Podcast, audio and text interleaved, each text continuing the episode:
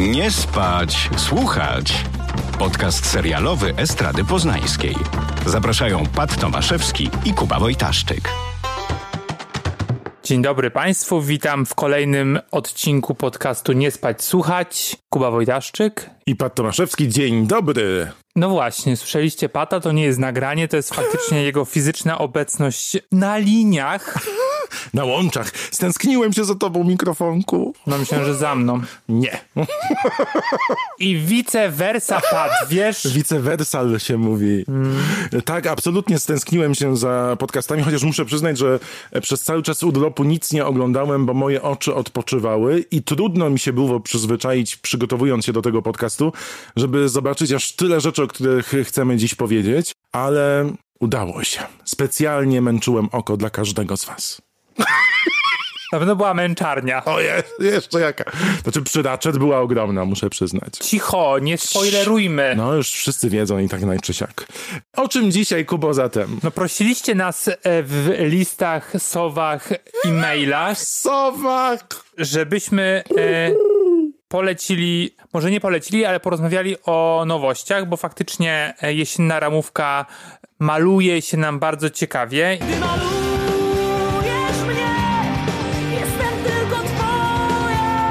I jest sporo y, rzeczy, które właśnie miały swoje premiery i to nawet nie są kontynuacje, tylko faktycznie zupełnie, zupełne świeżynki. I to nie jest wszystko, co, co mm, telewizje i portale streamingowe na, nam szykują tej jesieni, ale wybraliśmy kilka y, takich faktycznie gorących tytułów, o których mówią wszyscy, no więc my też powiedzmy. Co więcej, ja się bardzo cieszę, bo przy takim braku nowości kinowych, bo dystrybutorzy obawiając się bardzo niskich wpływów przesuwają coraz to dalej premiery, ta telewizja i nowości telewizyjne to jest właściwie jedyna dawka takich superprodukcji i dużych nazwisk, które w najbliższych czasach zobaczymy. Telewizje wiedząc o tym przesuwają też te premiery tak, żeby tej jesieni można było na najwięcej rzeczy zobaczyć. Jesienią też zadebiutuje przecież kolejna produkcja z Nicole Kidman i Hugh Grantem tak. w telewizji. Bardzo jestem ciekaw wszystkich e, produkcji, bowiem chyba nawet w tym tygodniu debiutował na kanale Fox Guilty Pleasure kolejny, ponoć lepszy niż Dynastia i Gossip Girl z Kim Cattrall z Seksu w Wielkim Mieście, gdzie ona pali nawet rezydencję w pierwszym odcinku, mówiąc zasłużyliście. Czy recenzje są pozytywne? Nie. No, tam recenzje. Najważniejsze jest nasze zdanie, jakie czujemy w temacie tych wszystkich produkcji. I bardzo czekam, żeby zobaczyć i te seriale, które są super artystyczne, i te, które są totalnymi gniotami, żeby całkowicie móc odpocząć od życia. Pozostając jeszcze um, w przeszłości. E, porozmawiajmy Czekaj, może... Lost, migawka z przeszłości. Co robiłeś? Porozmawiajmy, co robiłem. Oglądałem dużo i e, dużo też czytałem. E, nie, nie oszukujmy się, mało czytałem, ale dużo oglądałem. Przeglądanie Instagrama to nie jest czytanie. Tak, ale niedawno, a dokładnie tydzień temu odbyły się e, nagrody Emmy Jennifer Aniston gasiła pożar w kubełku. Got it. Perfect. Got it. Okay. And oh, wait, wait. Oh.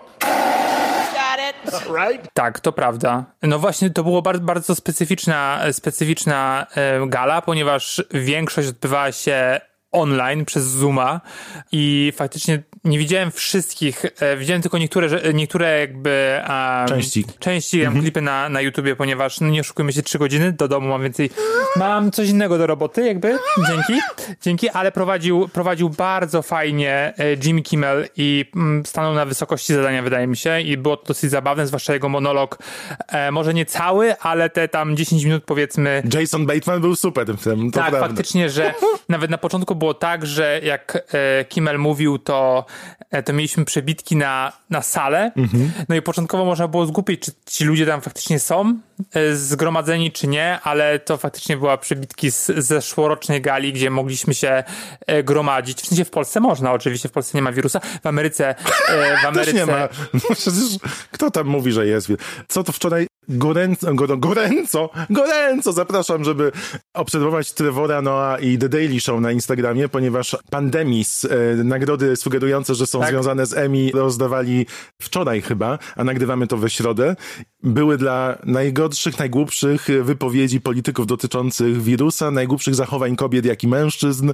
Wspaniale lektorem obdarzone to wszystko, jak rzeczywiście wielkie nagrody przemysłu mm. filmowego. The nominees for the most optimistic performance are Larry Kudlow for We Have Contained This. We have contained this virus. Mike Pence for Memorial Day. By Memorial Day weekend, we will largely have this coronavirus epidemic behind us. Donald Trump for Like a Miracle, It'll Disappear. It's going to disappear. One day it's like a miracle, it will disappear.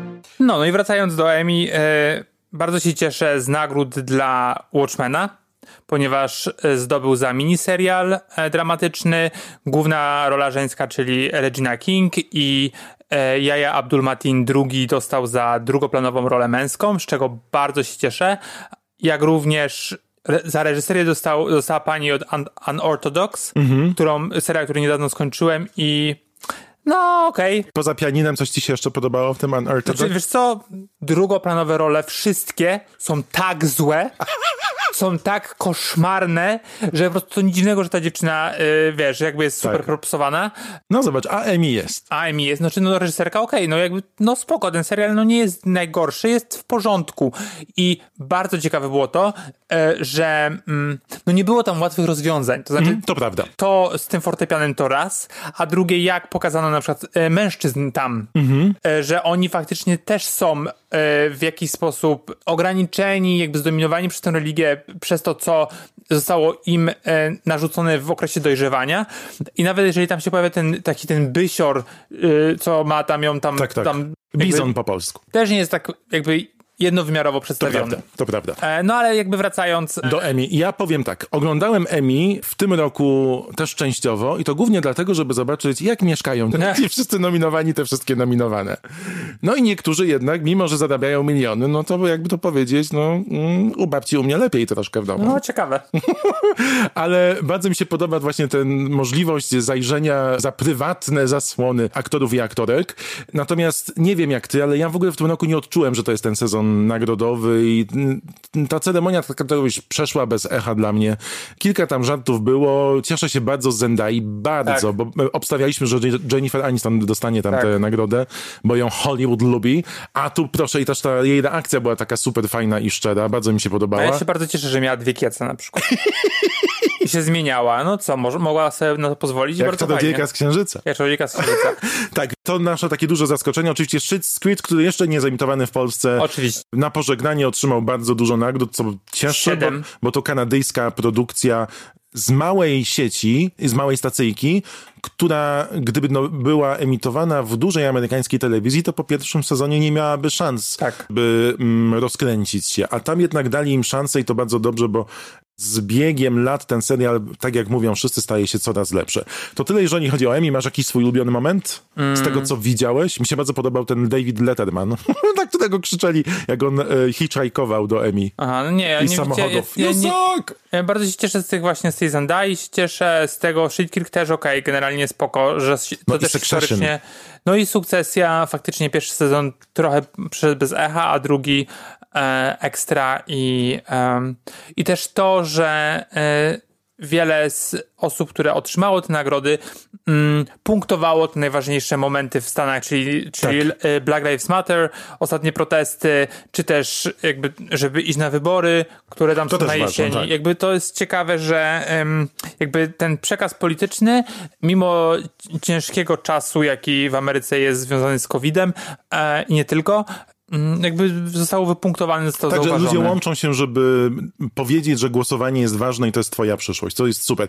Jeremy Strong z sukcesji dostał e, Emmy. Tak. Bardzo mi się podobało to, co zrobiła Sarah Snook, czyli zrobiła swoją własną statuetkę z folii aluminiowej. Mm-hmm. To było genialne. Wspaniała. A ostatnio, a propos Sary Snook, słuchałem podcastu Marka Marona, bo mm-hmm. fakt tam była Toni Collette tak. i opowiadała, jak jeszcze Sara była młodą aktorką, nie znaną pierwszy raz chyba w Hollywood, to ona ją podwoziła samochodem, bo razem leciały samolotem i potem tak, Sara biedna nie miała jak się to zabrać. To było zabawne, a w ogóle Sara i e, Sara i ten Kalkin, nie mm -hmm. wiem, tak. Kieran, Kalkin, e, również są e, gośćmi Marona w kilka odcinków wstecz tak. i to jest faktycznie bardzo bardzo fajne, no są super, zwłaszcza, zwłaszcza ten wywiad z, z Kalkinem jest mega ciekawy. Sukcesję polecamy, no i teraz przechodzimy do tych nowości serialowych. Jest ich bardzo dużo, opowiemy dzisiaj o trzech, a może i kilku dodatkowych. Zobaczymy jak czas pozwoli, bo mamy tylko cztery godziny na ten podcast. Tylko cztery. To może, y, to może zacznij od Ratchet, skoro już wspomniałeś y, o tej jakże wybitnej y, produkcji Netflixa. Tak. You're eating my peach. I don't see your name on it. And who would do that? What? Put their name on a peach. Somebody who really wanted it? No one has ever put their name on a peach. I've seen it done. No, you haven't. What are you going to do about it? What are you, deaf? No.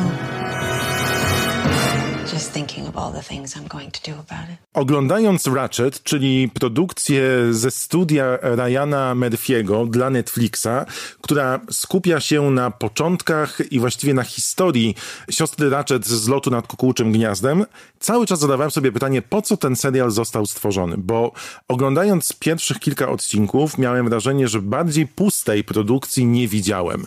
I miałem takie, chodziło za mną takie, czy to jest stworzone tylko po to, żeby pokazać ładny świat i Sarah Paulson, którą wiadomo Ryan Murphy bardzo lubi, my ją też bardzo lubimy, ale żadna sytuacja tam nic nie wnosi do tej postaci. Siostra Ratchet to jest jedna z najlepszych antagonistek w Tak. świecie filmowym i no jest bezwzględna, no jest fantastyczną filmową postacią i nic, co zobaczyłem w tym serialu, w ogóle się do tego nie odnosi, a mam wrażenie, że jest zrobione tylko i wyłącznie po to, żeby jakoś osadzić widza gatunkowo, żeby przestraszyć, e, pokazać kilka bardzo banalnych elementów, ale w ogóle nie nawiązywać do tej postaci.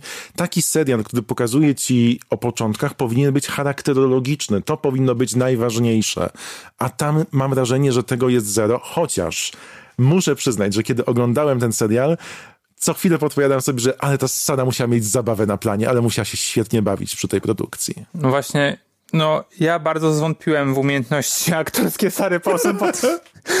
e, nie, to może przesadzam, ale No powiedzmy od razu, to jest zły serial, słuchajcie. to jest zły serial i zanim do aktorów dojdę w moim, e, mojej wypowiedzi, Expose twoje. w moim expose, bo sobie przygotowałem je tutaj na telefonie, Ej, faktycznie, trzy akapity widzę. ponieważ Ratchet, siostra Ratchet, to jest jedna z moich ulubionych antagonistek filmowych ever.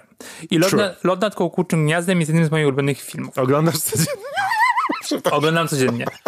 Ja w ogóle mam, sw- mam mój zakład psychiatryczny u siebie w mieszkaniu, tam sobie siedzę, sam się zamykam.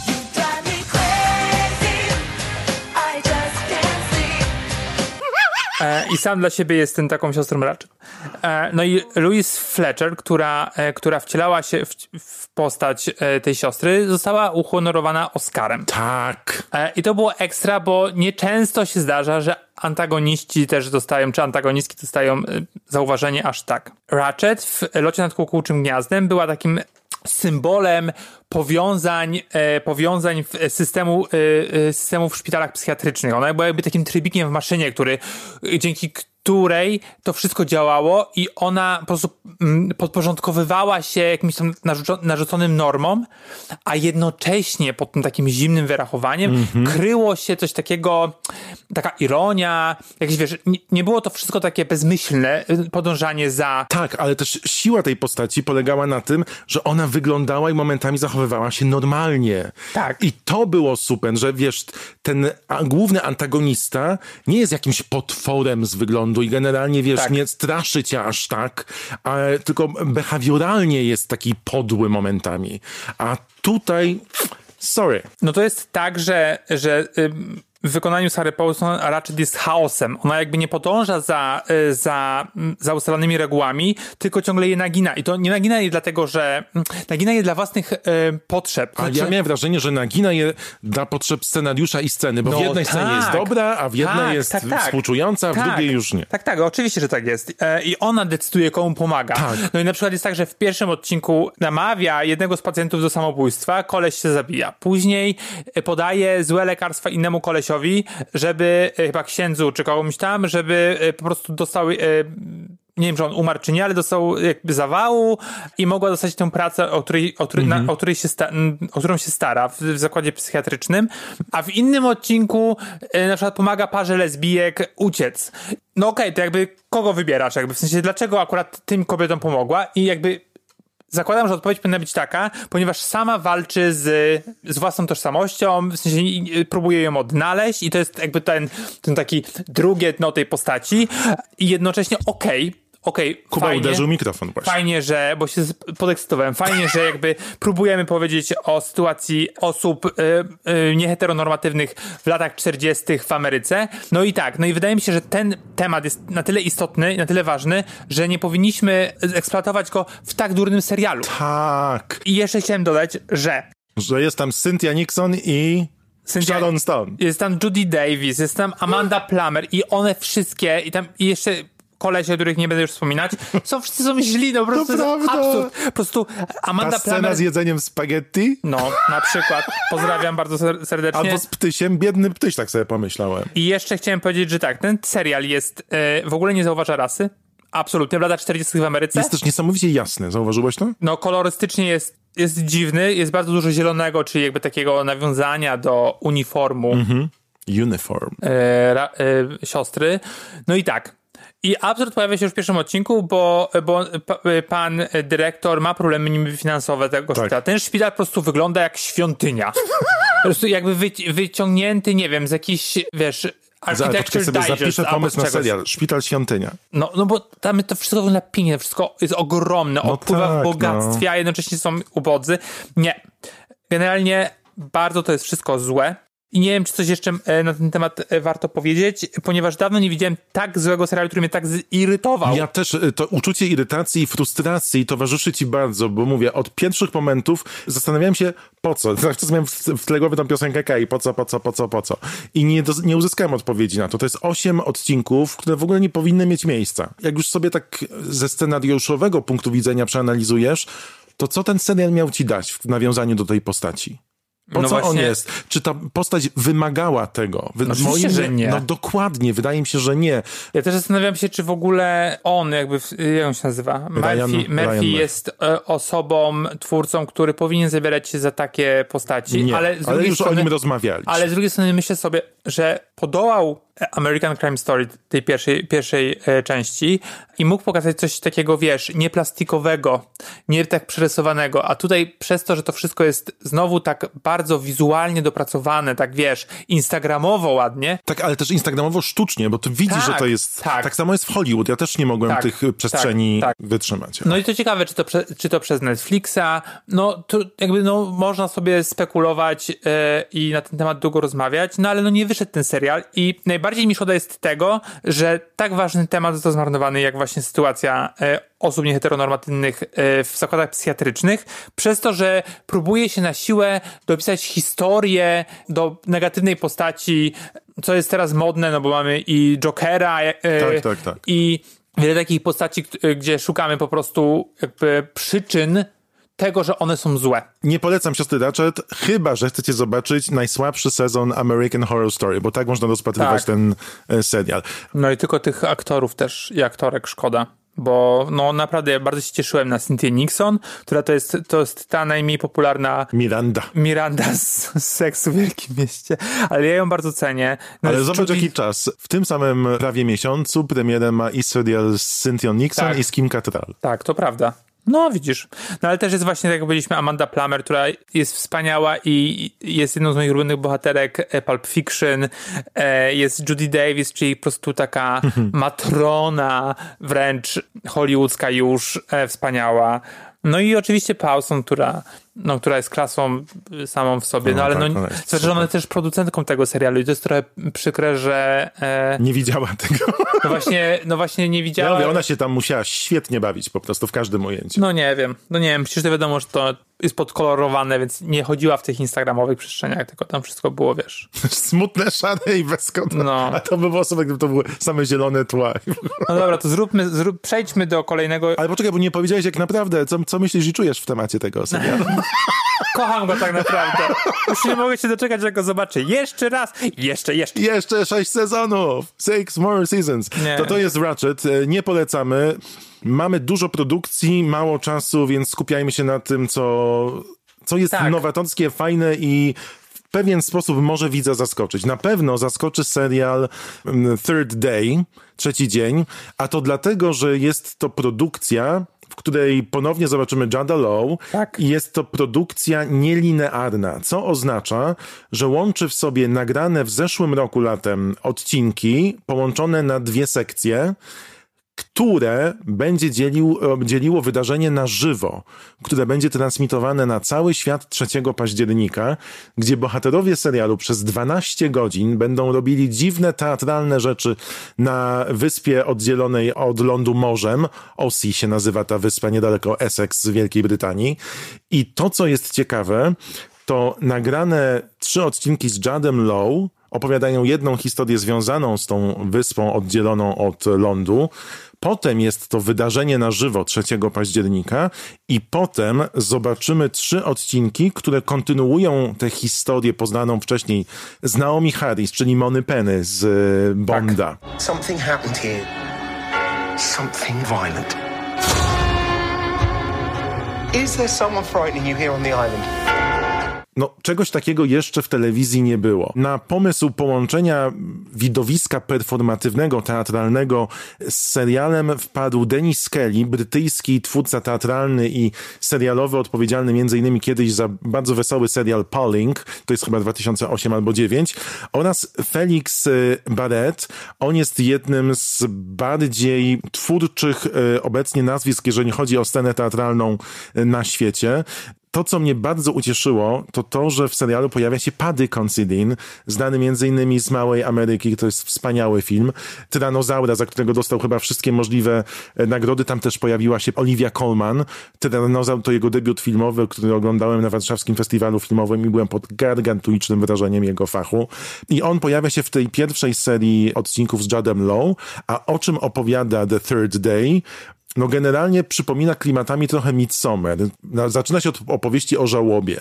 E, postać grana przez Jada Low traci syna i spotyka w lesie młodą kobietę w bardzo mm, trudnych okolicznościach i przez co trafia na... Nastolatkę chyba. Tak, przez co trafia na wyspę, do której przejście jest dostępne tylko kilka razy dziennie ze względu na pływy. No i tam na tej wyspie jest świadkiem dziwnych rzeczy. No ja miałem wrażenie, powiem tak, widziałem jeden odcinek, Mhm. obejrzałem ostatnie 5 minut dzisiaj rano i mnie zaciekawiło. Rano o której? E, O ósmej. I zaciekawiło mnie te 5 minut, bo rozwiązało się coś, e, Tak. o czym tam jakby rozmawiano. Nie miałem pojęcia o tym, że będą jakieś na żywo rzeczy, więc to mnie po, trochę mnie rozbudziło moje fantazje serialowe. Mhm. Wiesz co, miałem wrażenie, że producenci sobie przyszli i tak, no to co zrobimy? No to połączymy, mamy taką wyspę i tam są takie domki, które wyglądają jak z Hobbitowa i połączymy to z Hobbitowo, i połączymy kocham. to z Twin Peaksem i będzie serial. I damy też Jada Law, który był sexy papieżem i zrobimy go trochę brzydkiego. I jakieś dziecko zaginie i ta rzeka tam przepłynie i nie będzie drogi i będzie super. I niech wszystko będzie creepy. Niech na ścianach w domu będą zdjęcia ofiar Kuby rozpruwacza. Tak. Niech ktoś do niego strzela, niech go gonią w maskach. I generalnie Wszystko. chciałem zwrócić uwagę, że tam jest taka scena, kiedy on się pojawia na wyspie, gdzie żuczki wychodzą z pewnego insekta i Tak. jest zbliżenie na buty Jada Law i ja mam takie same buty. Ja miałem, Przypadek? Nie sądzę. a ja miałem taką bluzę, znaczy mam taką bluzę jak w serialu I May Destroy You, która bierze udział w gwałcie i już tej bluzy nie noszę. Ale chciałem powiedzieć, że wizualnie to jak zaczyna się ten serial The Third Wave, bo obecnie chyba dwa albo trzy odcinki można oglądać, Dwa. e, dwa w Polsce, to jest dla widza taka zagadka na zasadzie nie do końca wiesz, w jaki gatunek wchodzisz serialowy, bo on się momentami zmienia. Jest bardzo ciekawa sekwencja i właściwie montaż bardzo ciekawy, sekwencji, w której pojawia się Florence and the Machine, The Dog Days Are Over, co jest połączone z bardzo wysokimi emocjami, które ukazuje nam Jadlo. To jest świetna rola dla niego, bo pokazuje mnóstwo, mnóstwo emocji przez ten czas serialowy i jestem bardzo ciekaw też, tych pozostałych e, odcinków z Naomi e, Harris. Tak, ja ją bardzo cenię. Ona jest super. Generalnie ja mam trochę tak, znaczy Naomi Harris oprócz tego, że jest Money Penny była jeszcze w, w wspaniałym e, filmie, była nominowana za, za film Moonlight i faktycznie tam fajnie zagrała i dlatego jestem ciekawy, jak ona, mm, co ona może pokazać w serialu, ale nie jestem pewien, czy doczekam tego, jak ona zagra, ponieważ, Odcinki z nią będą miały premierę 9 października. ponieważ no jest to dla mnie przeprawa. Ten pierwszy odcinek zaczynał się. Tam jest taka ostra zabawa kolorami. Kamera jest bardzo blisko bohaterów. Wszyscy są w jakiś sposób tak przerysowani w stronę właśnie Twin Peaksu, że dla mnie to jest trochę nie do przejścia. Ja, ja lubię, lubię pokręcone historie, ale no nie aż tak. Nie, wydaje, mi, wydaje mi się, że po prostu one są trochę bez sensu. Ja ufam temu twórcy. Słuchałem też z nim wywiadu, gdzie mówił, że bardzo mocno, że ten projekt przygotowywał 9 lat, co już mi dało dużo do myślenia. I myślał o wszystkich aspektach scenariuszowych, o tym, jak odpowiedzieć na pytania i mówi, że w przeciwieństwie do Ryana Murphy'ego nie chce rzucać rzeczy dla rzeczy. Więc bardzo mnie to No okej. zaintrygowało. Szczególnie, że te dwie sekcje, e, które pojawią się, dwie historie, które pojawią się w serialu, będą połączone tym wydarzeniem na żywo. I teraz masz aktora rangi Jada Low i wyobraź sobie, że on przez 12 godzin w jednym ujęciu z jedną kamerą bez przerw będzie tworzył dla ciebie historię, która ma połączyć te wątki. Ciekawe, jak to HBO u nas zrobi. No pewnie będzie na żywo stream na YouTubie albo w jakimś e, innym serwisie. Wczoraj chyba nawet Judd Law był u Kimmela, ale nie miałem okazji zobaczyć tego, bo widziałem tylko zapowiedź, że Okej. będzie rozmawiał o tym, więc może już nawet się to pojawiło. Więc zobaczymy. E, Ciekawy eksperyment. To No też właśnie. odpowiada na fajne pytanie, w jaki sposób teraz, kiedy mamy taki przesyt telewizyjnych produkcji i seriali i programów, można stworzyć coś nowego, bo najbardziej kreatywne osoby, które obecnie są w biznesie, tworzą właśnie telewizję, więc e, zobaczymy, czy to będzie jakiś stały trend, gdzie jakiś element na żywo interaktywny. Nie, Jezu, wychodzę na jakiegoś konserwatystę. Dla mnie to jest po prostu nie do, jakby, no, no nie. A wiesz w ogóle, jak to ewoluowało, bo ten serial miał mieć premierę w maju.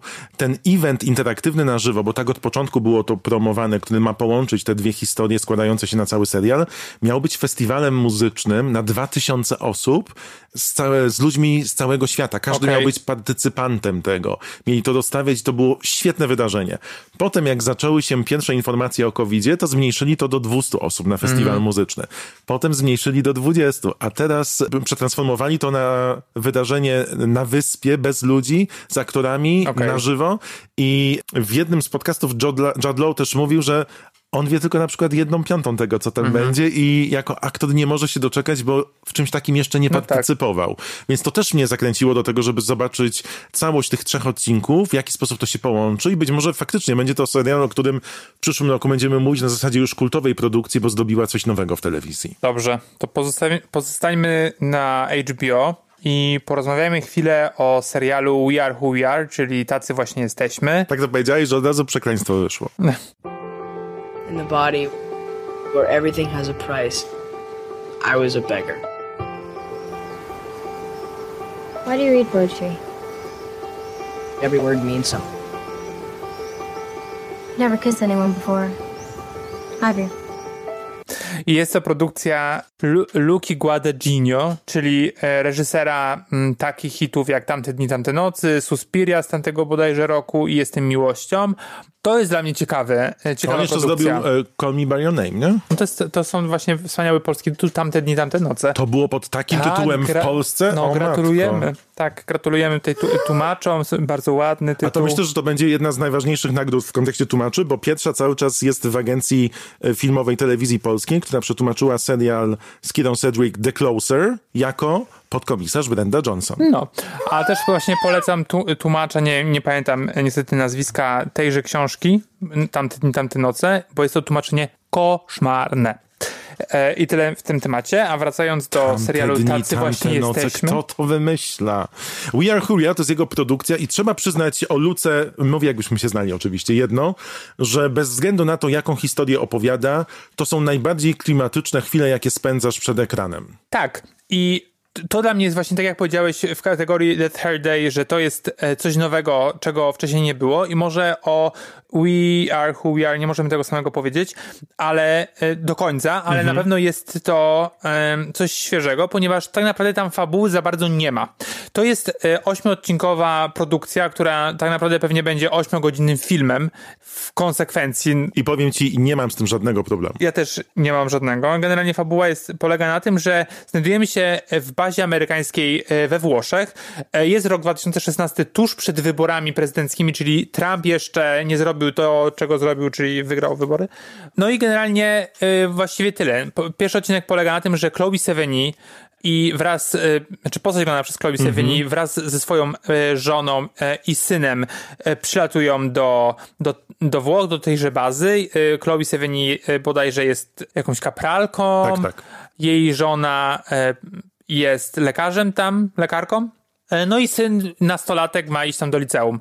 No i właściwie w- śledzimy pierwszy odcinek e, jego oczami. On poznaje e, życie w tej bazie, poznaje innych dzieciaków mm, w jego wieku, szlaja się, idzie na plażę, do sklepu e, i tu fun fact, że wszystkie sklepy, to jest bardzo fajne, że bo ja bardzo lubię, bardzo lubię markety. E, jak wyjeżdżam za, za granicę, to pierwsze co robię, to idę do, do, prawda, do marketu. To jest moje hobby, zainteresowanie, polecam serdecznie.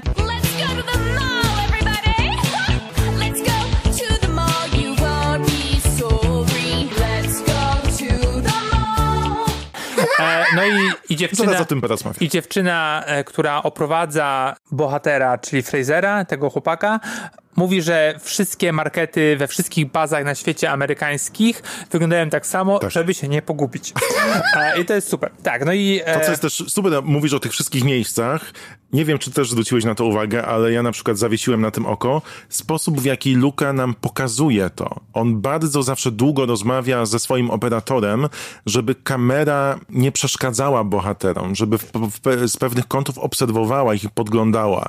I na przykład to mnie urzekło od pierwszych scen tego serialu, bo to w jaki sposób każdy inny twórca mógłby po pokazać tę historię, nie stworzyłoby takiego klimatu. I właściwie czasami czujesz się jak ta przysłowiowa mucha na ścianie, obserwując Tak. tę sytuację.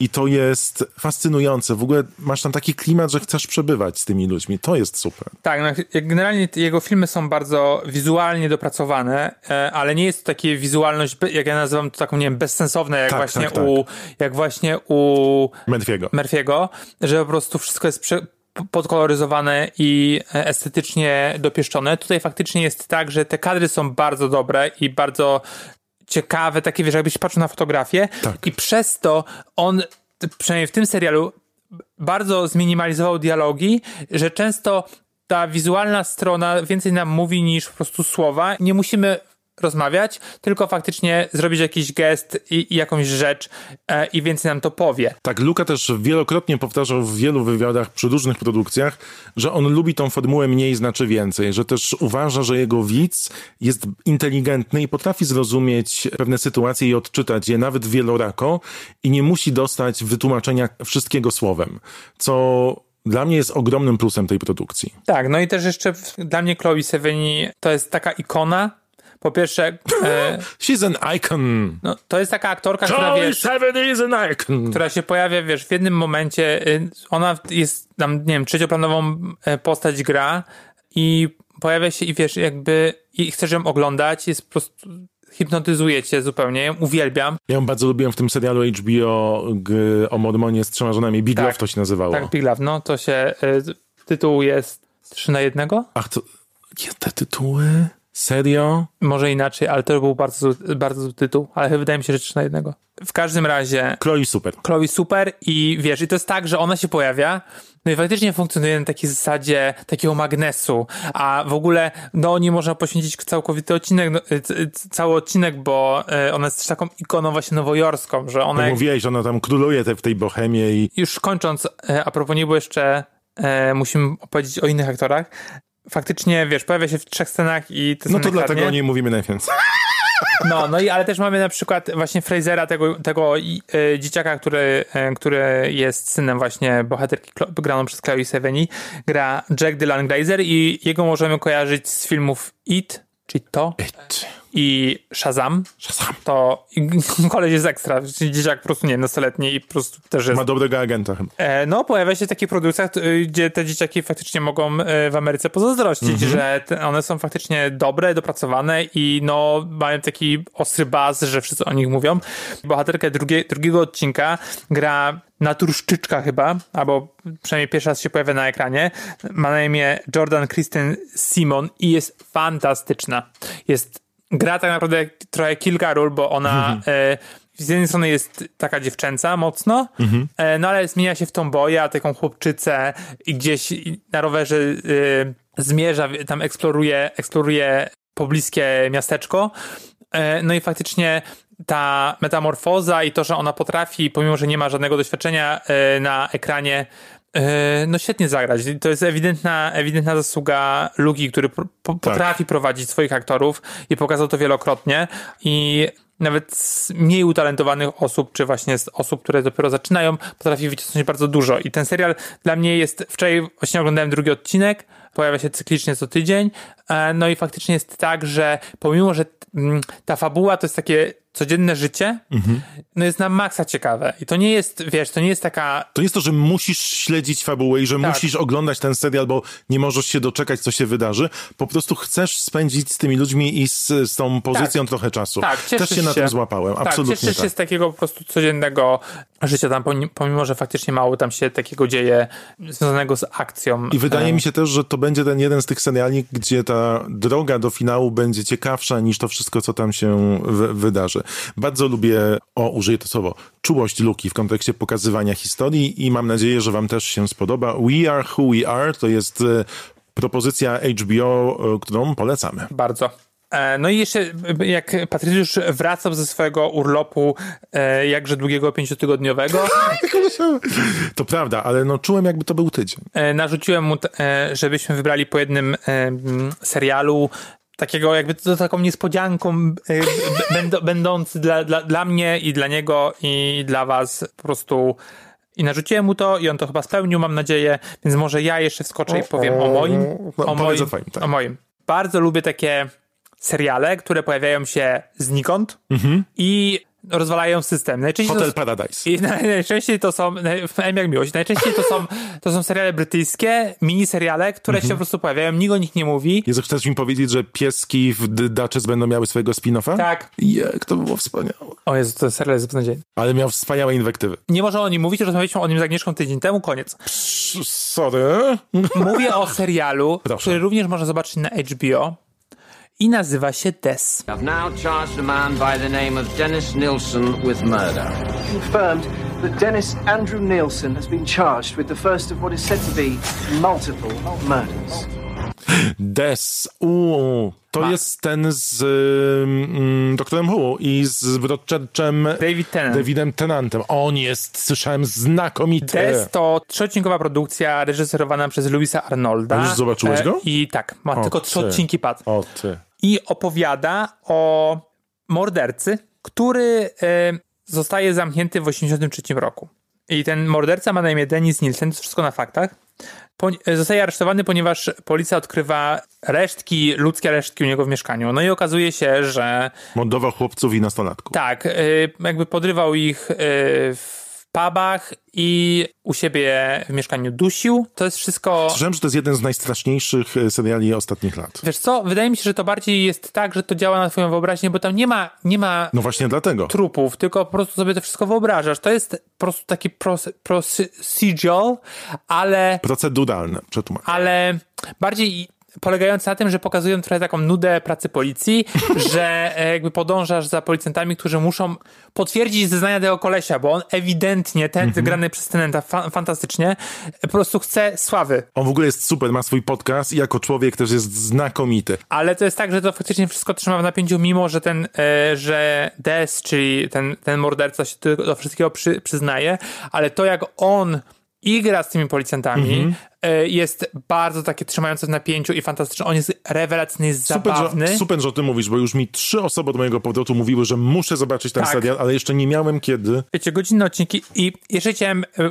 a propos aktorów, policjanta, tego głównego Mhm. detektywa gra Daniel Mays i pomimo, że ja za bardzo się na brytyjskich serialach aż tak nie znam e, i produkcjach, e, dlatego te angielskie strzały są Mhm. dla mnie na tyle istotne, ponieważ mało takich produkcji nas mimo wszystko e, przychodzi, tych brytyjskich.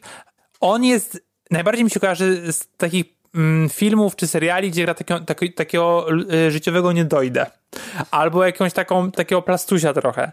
I na przykład w Pokucie w filmie grał... Nie e, lubię tego filmu. Ja ko kocham Pokutę, niedawno ją obejrzałem i jest fantastyczny. Ja tą dziewczynkę to bym na dzień dobry w ogóle. To jest moja ulubiona bohaterka. E, i, Serio? no, Saoirse Ronan, sorry. O nie, E, znaczy i- tak, aktorka tak, ale ta No postać? ekstra. No, no nieważne. No i on tam No gra, ten, ten aktor, Daniel Mays, Mhm. e, kolegę z frontu e, Jamesa McAvoya. Po prostu wiesz, gdzieś tam w tle jest tym, tym zawsze tą Mhm. A, drugą no tak, osobą. tak, tak. A tutaj gra tego detektywa, który non-stop kopci faję. Cały czas jakby widzisz tę jego rolę takiego niedojdy, ale jednocześnie gdzieś to przełamuje. To dla mnie było bardzo ciekawe, bardzo świeże i do tego jeszcze jest pisarz tam, którego gra Jason Watkins. Jego możecie kojarzyć e, z bodajże z trzeciego albo drugiego sezonu The Crown. Gra e, premiera takiego po Churchillu, czy no któregoś tam z, tego, z tych premier, premierów. Generalnie jest super i gra pisarza, którego, mm, który zgłasza się do tego Desa po to, żeby napisać książkę na temat jego zbrodni. I to, ten jakby ten trójkąt pomiędzy Mhm. nimi, e, no jest fantastyczny. I właśnie, tak jak właśnie mówiliśmy o tym, że, że co Murphy zrobił, co robi złego Mhm. dla społeczności LGBT i pokazuje te lesbijki po prostu no niefortunnie i jakby to, że Nieumiejętnie. nieumiejętnie i jakby z, zamiata trochę pod dywan tę sprawę em, leczenia psychiatrycznego właśnie z orientacji. Tak, ten serial pokazuje, że coś takiego jak, nie wiem, na przykład homofobia w policji może zrobić jakby homofobia w policji robi na przykład y, gejom w policji i jak on może się na przykład przerodzić w takiego psychopatycznego mordercę jak Des, bo to był jeden z, y, z powodów, dlaczego on taki się stał, ale też to, że jakby to, że nie mówiono kiedyś o gejach, lesbijkach inaczej niż prześmiewczo, y, doprowadziło do tego, że po prostu takie zbrodnie mogły powstać, które, wy- do, do, do których dopuścił się, y, dopuścił się tytułowy bohater.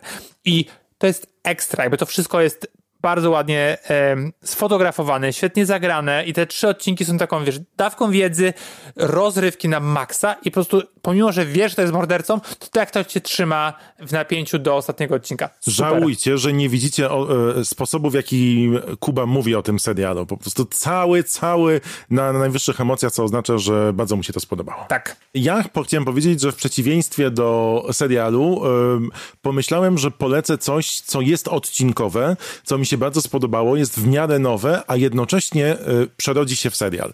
Podczas mojego urlopu miałem okazję posłuchać sobie podcastu, który nazywa się Happy Face i nawiązując do tematu Kuby, opowiada historię e, producentki, która odkrywa, że jej przyjaciółka jest córką seryjnego mordercy. I poznajemy historię tej kobiety, która kiedy miała 15 lat, odkryła przez prasę, że ojciec, który ma same dobre wspomnienia, który ją przytulał, który się z nią bawił, w międzyczasie zamordował 8 kobiet w okropny sposób. Wow. I po morderstwach przychodził do domu i bawił się z dziećmi.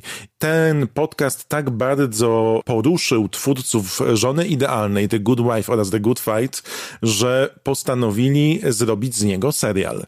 Więc w przyszłym roku zobaczymy, w jaki sposób oni przetworzą tę um, historię na potrzeby produkcji telewizyjnej, ale podcast jest momentami mrożący krew w żyłach. Opowiada historię dorosłej kobiety, która cały czas próbuje e, poradzić sobie z faktem, że całe jej dzieciństwo było tak naprawdę kłamstwem, że ojciec, którego miała w jakimś poważaniu, zamordował osiem, przynajmniej osiem kobiet i w ogóle nie miał żadnego wstydu mówiąc o tym i traktował to jak e, krojenie chleba.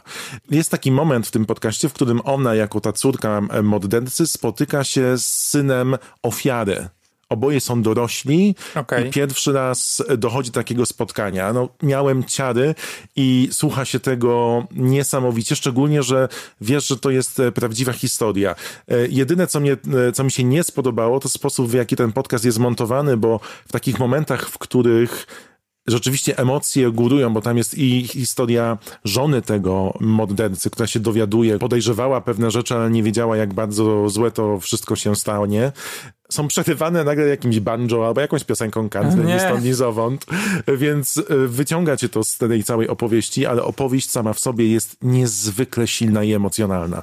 Podcast nazywa się Happy Face i teraz premierę miał drugi sezon tego podcastu, w którym właśnie ta bohaterka, czyli córka tego seryjnego mordercy, przeprowadza e, swoje śledztwo z zupełnie nową historią, czyli dociera do kobiety, która jest córką seryjnej morderczyni. Jakby zagłębia się w, w inny temat, bazując na swoim doświadczeniu.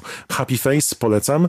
To taki serial dla uszu, żeby oko mogło odpocząć. No, no, to fajnie. To co, przechodzimy do sekcji polecany. Co czytasz teraz, powiedz? Czytam taką książkę, która się nazywa Nomland.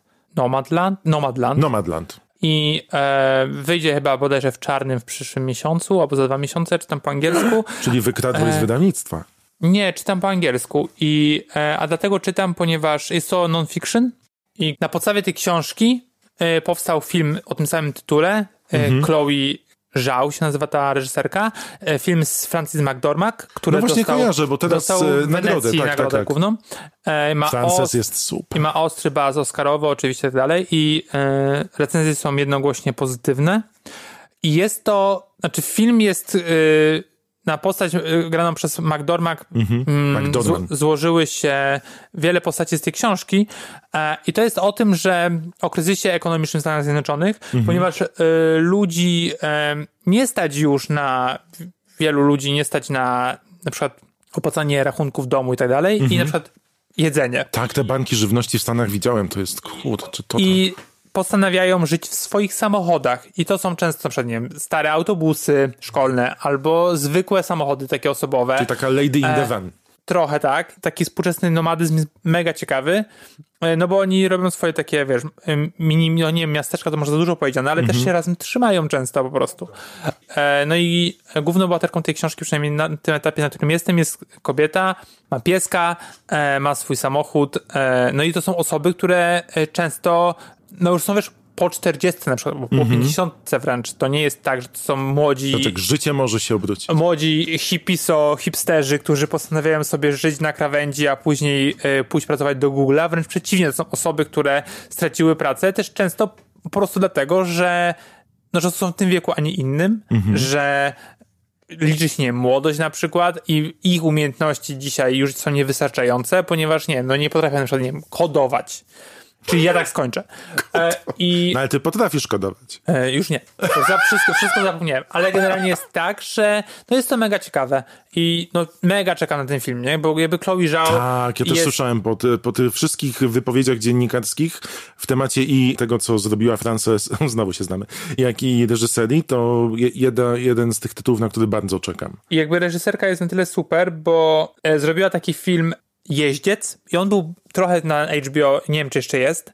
I to generalnie tam też bardzo dużo nadruszczyków o nie gra. I oprócz Mhm. Francis McDormand i jeszcze jednego A to aktora... jest, ona nie jest McDormand? McDormand? Mówisz McDormand. McDonald. Co, nie mogę? No, no i ona sobie, znaczy jakby w tym jeźdźcu grają sami nieznani aktorzy. To jest super. I ona, w ogóle najlepsze jest to, że kolejnym jej filmem jest to Eternals. I to Eternals? jest, O, i to jest marvelowskie. kolejny film Marvelowski, więc jakby generalnie Z Kumlalem. to ta, jakby ta reżyserka, Mhm. która robi filmy takie bardzo skupione, ograniczone, wiesz, w przestrzeni, takiej jakby małej, twojej małej Kameralne ojczyzny wręcz, prostu, tak. Z aktorami, którzy są najczęściej nieznani, albo w ogóle nie są, jakby są po prostu wzięci tak naprawdę z Mhm, ulicy, mhm. oprócz tam niektórych. Teraz zabierze się za jeden z Zabierze największych. za, tak. największy, za jeden z największych po prostu marvelowskich produkcji i to Super. jest mega ciekawe. No i to jest reżyserka, więc to też jest fajne, ponieważ dajmy spokój już i dajmy kobietom reżyserować filmy marvelowskie, bo Tak, te, to się za. jakby w ogóle nie zdarza i nie zdarzyło wcześniej, więc czekam na wszystko. Ja skończyłem czytać 11 książek na moim urlopie. Jestem z tego faktu bardzo zadowolony. Mm, Jedną z książek, których przeczytałem, są Testamenty Margaret Atwood, czyli zamknięcie opowieści podręcznej, które napisała po 30 kilku latach od premiery e, opowieści podręcznej. I muszę przyznać, że była to ciekawa produkcja. To jest nagroda, która dostała Bookera w zeszłym roku. E, Książka w sensie, a nie nagroda. E, Książka, która dostała Bookera i byłem bardzo zaskoczony tym, w jaki sposób podeszła do historii Margaret Atwood. Opowiada ją poprzez trzy główne bohaterki, które na końcu wiążą swoje losy ze sobą. A mówię o tym, że to jest interesujące i ciekawe ze względu na to, że Margaret Atwood, obserwując to, co się dzieje obecnie w świecie i studiując wszystkie reżimy totalitarne e, historycznie, pokazała, jak od wewnątrz taki reżim, taka dystopia się załamuje. Bo testamenty opowiadają o, rozpa- o rozpadzie Gilead i o tym, co doprowadziło do upadku no, tego okropnego systemu bazującego na fundamentalizmie religijnym i no, fascynująco się poznawało tę historię, szczególnie, że ona jest, e, jak te tytułowe testamenty, e, opowiadana nam poprzez epilog na jakiejś konferencji bardzo, bardzo, bardzo oddalonej e, czasowo w przyszłość. Ciekawa lektura, mówię w kon- kontekście społecznym, bo każdy z nas pewnie ma swoją wizję, jakby chciał, żeby ta opowieść podręczna się zakończyła. No okej. No fajnie, nie przeczytam. A ty, ale... ale na który ty skończyłeś ten trzeci sezon? Miałeś skończyć? Nie skończyłem. On jest super. No daj spokój, teraz tyle tego jest. Trochę mam tak, Jak że... ja ci mówię, że masz zobaczyć trzeci sezon, to masz zobaczyć. Ale teraz jest tak, wychodzi mega dużo filmów na Netflixie i przy, szykuje się do Manka, czyli do kolejnej produkcji Finchera, do filmu. A zobaczyłeś już ten film z Toni Collette? Tak. I I'm thinking of ending things? Nie chcę o nim mówić, nie podoba mi się. I nie cały, ale w połowie mi się. Ja jeszcze nie widziałem. Ja kocham książkę i no znowu schodzimy. No i jakby teraz chcę obejrzeć niektóre filmy Finchera, zrobić sobie recapy. Wczoraj obejrzałem Zodiak i to a propos Chloe Sevigny i to jest dalej fantastyczne. To jest super film. E, I teraz jak w, w, w, liceum byłem mega dużym fanem e, Fight Clubu. Oglądałem, Mhm. tak myślę, że obejrzałem przez liceum z 15 razy i od tego czasu nie widziałem go ani razu. No i myślę, że dzisiaj albo jutro e, po prostu wjedzie Fight Club, bo jestem ciekawy, jak odbiorę teraz. U, to za tydzień od tego zaczniemy. Powiesz tam, jak w twoim odczuciu się zmienił, Dobrze. czy się zmienił i czy nadal go cenisz wysoko. Dobrze. To był e, kolejny odcinek podcastu serialowo-filmowego, jak się okazuje. Nie spać, słuchać. Bardzo dziękujemy i e, do usłyszenia. Na razie. Nie spać, słuchać. Producentem podcastu jest Estrada Poznańska. Wszystkie odcinki znajdziesz na estrada.poznan.pl.